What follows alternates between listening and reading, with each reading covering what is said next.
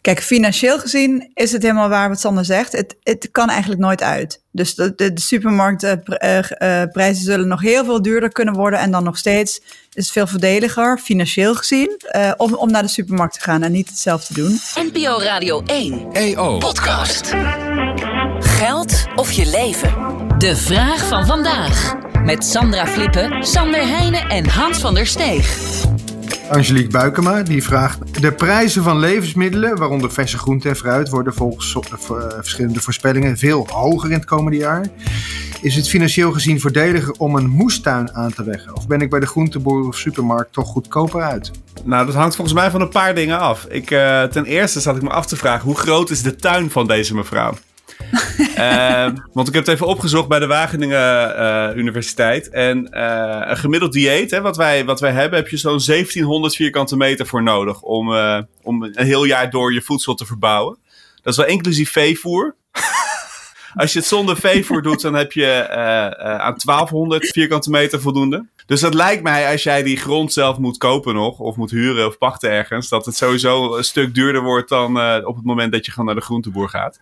Uh, ja, in dat geval uh, hangt vanaf hoeveel tijd heb je en wat is die tijd je waard. Uh, want uiteindelijk, als ik het zelf zou moeten doen, ik denk dat ik zeker gezien mijn botanische skills, dat ik goedkoper uit ben als ik het in de supermarkt koop en mijn eigen werk doe dan op het moment dat ik uh, zelf uh, uh, ga tuinieren. Maar ik weet niet hoe jij daarnaar kijkt, Sandra. Kijk, financieel gezien is het helemaal waar wat Sander zegt. Het, het kan eigenlijk nooit uit. Dus de, de, supermarktprijzen zullen nog heel veel duurder kunnen worden. En dan nog steeds is het veel voordeliger, financieel gezien, om, om naar de supermarkt te gaan en niet het zelf te doen. Wat denk ik toch ook steeds meer een rol gaat spelen in ons leven, is dat we onze welvaart niet alleen maar financieel afmeten, maar ook wat breder zien.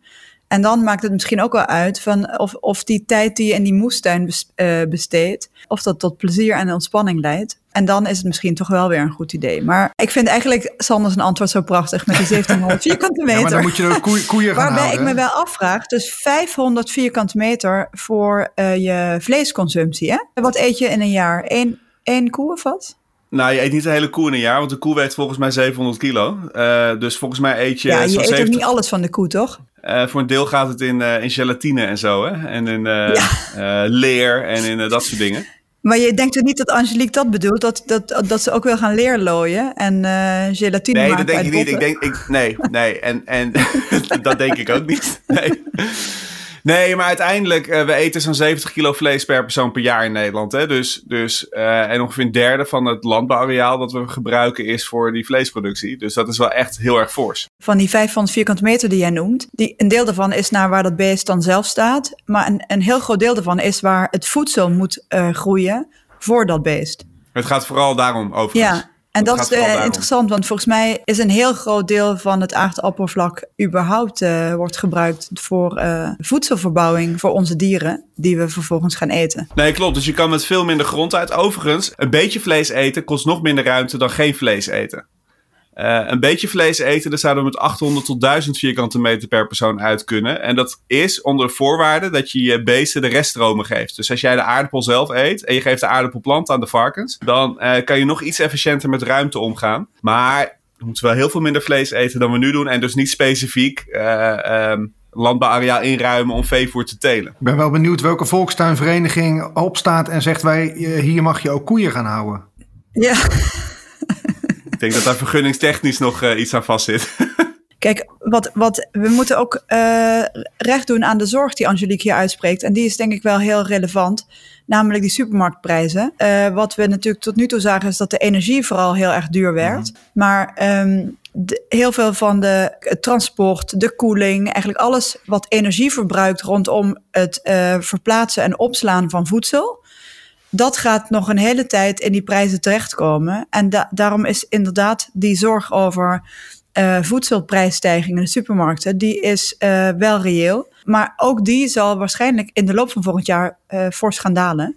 Kan zelfs prijsdaling worden in plaats van prijsstijging. Maar desondanks, desondanks is Angelique financieel nog altijd beter af bij de groenteboer en de supermarkt, zeg je toch, Sandra?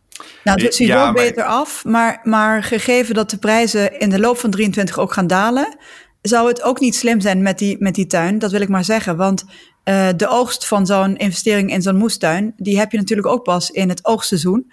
En tegen die tijd is het waarschijnlijk in de supermarkt een heel stuk goedkoper. Helder. Ik weet uit ervaring dat je een tuin alleen moet hebben als je hem leuk vindt. M mijn ja, wederhelft heeft een, uh, heeft een, uh, een uh, moestuin. En dat moet je gewoon doen omdat je het leuk vindt. Ik doe eens per jaar, eens per jaar groot onderhoud daar. Beetje mesten en omspitten. Maar daarbuitenom, nee. Het klinkt alsof jij het niet leuk nee, vindt. Nee, niet aan mij besteed. Niet aan mij besteed. En ik heb er financieel ook nog nooit wat van gemerkt dat het beter is. Dus.